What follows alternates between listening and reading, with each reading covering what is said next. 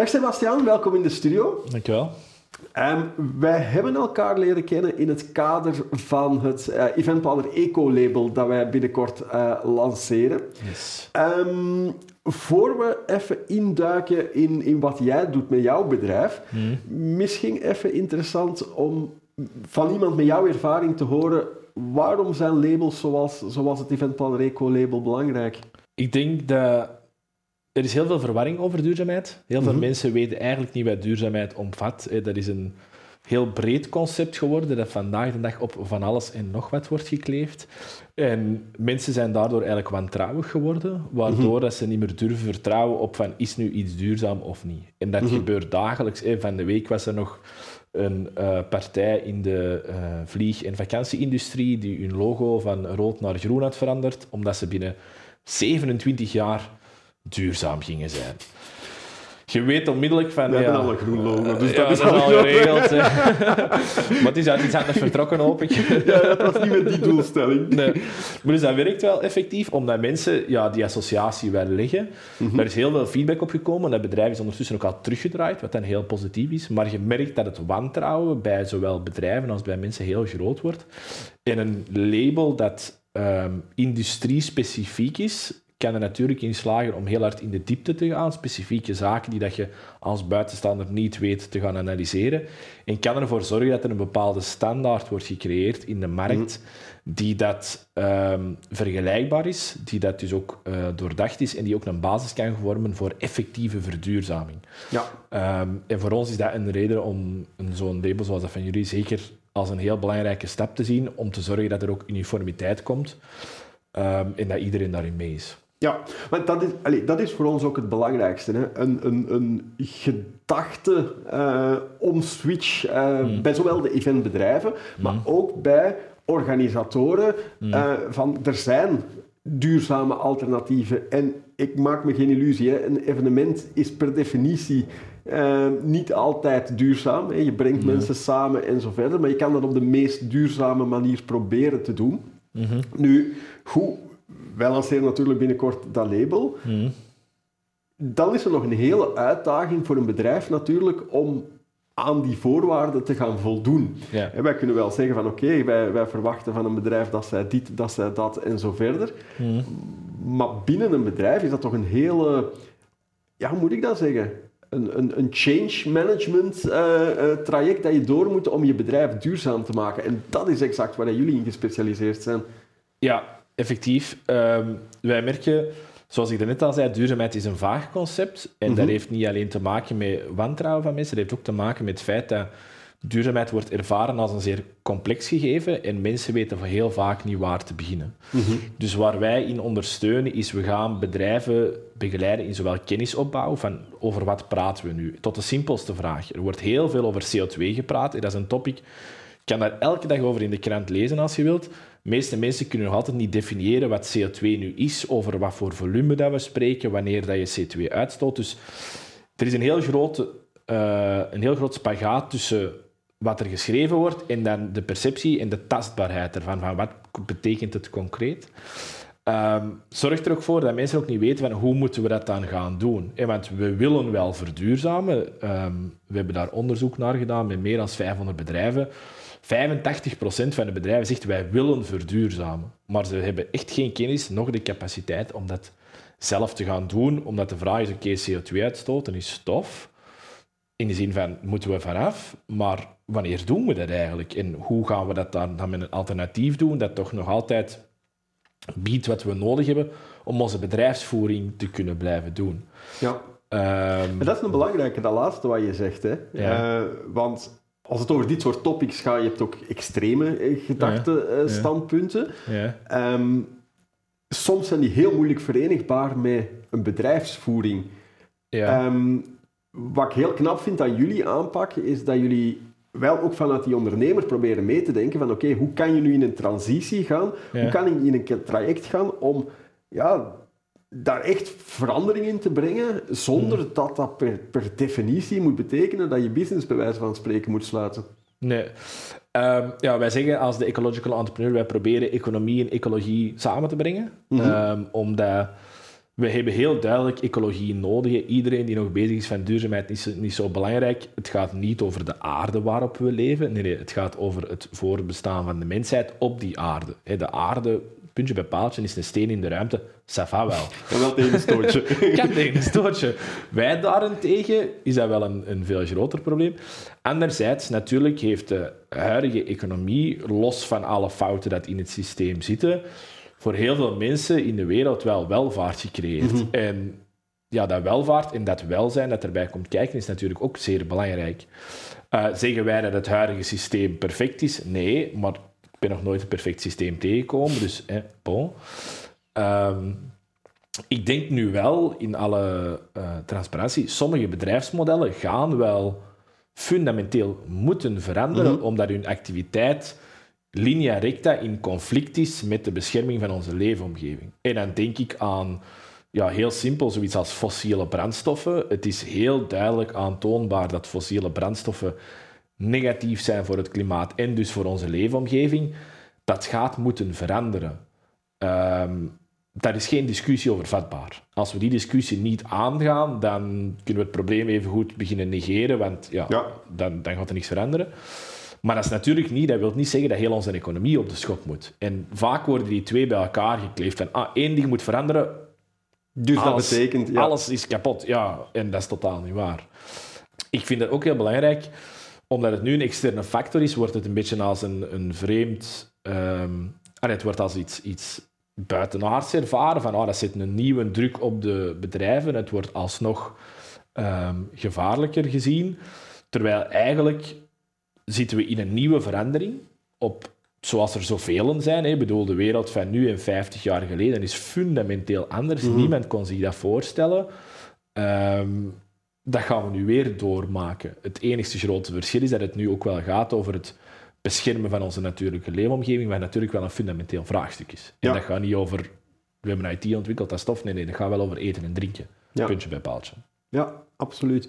Nu, als je zo'n traject met een bedrijf doet, Ja.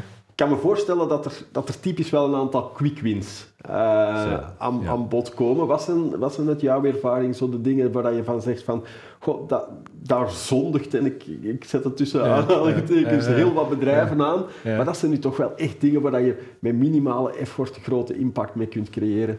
Ehm, ik denk, er moet een groot onderscheid gemaakt worden tussen diensten- en productiebedrijven. Omdat dat, ehm, een dienstenbedrijf heeft typisch een totale andere uitdaging dan een productiebedrijf. In de zin van diensten die maken niks. Dus de hele milieu-impact van het product zelf vervalt al.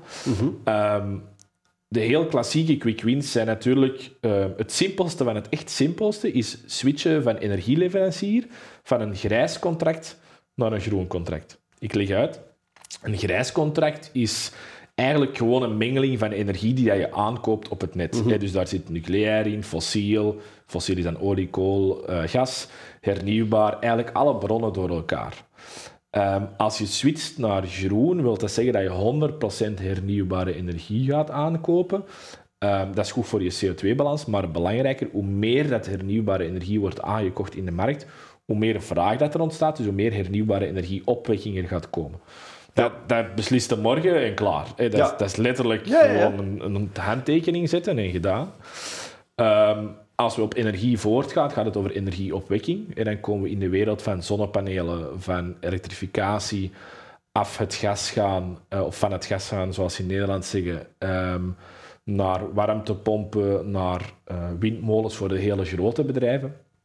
Dat zijn allemaal logische investeringen die altijd al rendabel waren, met de huidige energieprijzen nog veel sneller rendabel eh, worden. En die dat er ook voor zorgen dat je minder afhankelijk bent van een fluctuerende markt. Sowieso eh, ook duurzamer. Nu, dat zijn de classic eh, expectations. Als we kijken naar een andere, in zeker België een hot topic, is mobiliteit. Hè, dan denken we aan de bedrijfswagens. Ehm, een bedrijfswagen van, van fossiel naar elektrisch brengen is sowieso een goede keuze. Op voorwaarde dat je die elektrische natuurlijk wel met hernieuwbare energie gaat opladen. Als je dan Niet met een steenkool. ja, steenkola. ja. Maar dat zie je dan soms. We gaan steekool, stookolie in brand steken om dan energie te hebben. Ja, dat is een beetje absurd. Je verlegt het probleem gewoon. Ja. Ehm, maar dus elektrische wagens op zichzelf. Maar eigenlijk een nog betere stap is het aangaan bieden van mobiliteitsbudgetten. Ehm, in de zin van, Gemiddeld gezien rijden mensen in België per dag rond de 25 à 35 kilometer. Dat is helemaal niet ver. Hè, er zijn eigenlijk heel veel mensen die daar totaal geen afstanden doen, ondanks dat ze een bedrijfswagen hebben die gigantisch eh, groot is. Ehm, de switch naar elektrische fietsen is ja, kunnen diezelfde afstand gaan overbruggen op een even efficiënte manier, zonder in de file te staan, waardoor je veel meer energie gaat gebruiken en dus duurzamer bezig zijn. Of je kunt als bedrijf naar deelwagenopties en dergelijke meer gaan kijken. En dan de laatste hele quick win in mijn ogen is aankoopbeleid. En stel dat je nieuwe uh, stoelen gaat aankopen, nieuwe tafels nodig hebt, nieuw materiaal nodig hebt. Er zijn echt gigantisch veel websites die je gewoon een waslijst geven en wil je duurzaam mhm. kopen, koop hier en klaar. Dat lijkt heel absurd, want dat kan toch niet zo simpel zijn, maar zo vaak is het zo simpel. Hey, die, de broek die ik nu aan heb, mhm. bijvoorbeeld, dat is een, een broek van uh, Mud Jeans. Dat is een Nederlands merk. Je hebt ook een Antwerps merk genaamd Honest Jeans. En een standaard jeansbroek om te maken kost gemiddeld 8000 liter water. Wat gigantisch veel is. Ja. Ik bedoel, 8000 liter water, dat krijg je niet opgedronken op een jaar. Integendeel, dan zijn er vijf jaar bezig.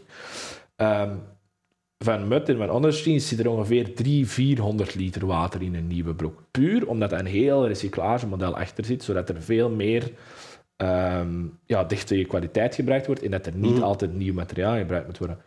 Ja, van 300 of 8000 liter water. Dat is wel een grote impact. Ja, gigantisch een impact. En dat is puur door uw aankoopgedrag te veranderen. Ja.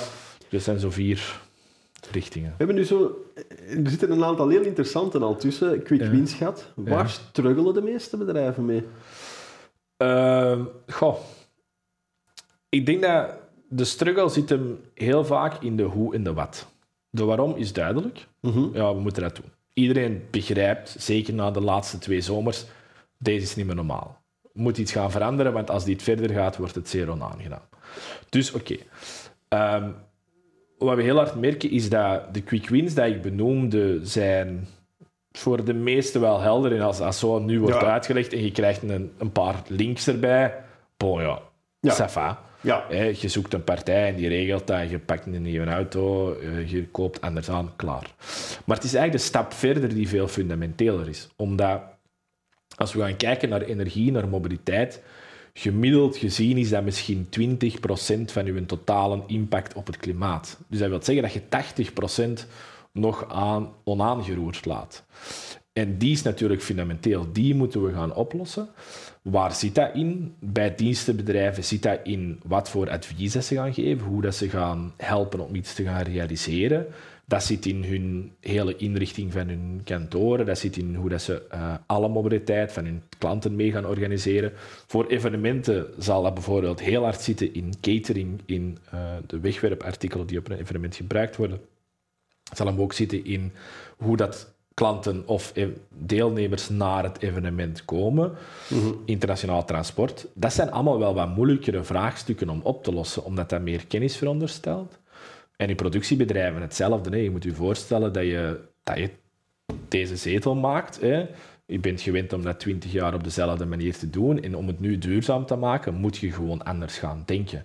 Ja. En dat zijn vaak de trajecten die wij binnenkomen om dat mogelijk te gaan maken en ook uitvoerbaar te maken, waarbij dat een heel duidelijk doel is van oké, we willen 100% circulair gaan of we willen onze voetafdruk met de helft reduceren, afhankelijk van wat het doel is eventbedrijven die nu misschien al aan het denken zijn om uh, zich voorbereiden op, op het Eventplanner Eco-label mhm. en die eigenlijk in die transitie willen starten. Die kunnen je bij mhm. jullie aankloppen om voor, voor zo'n begeleidingstraject. Ja. Wat die vraag is? gewoon ja, is goed.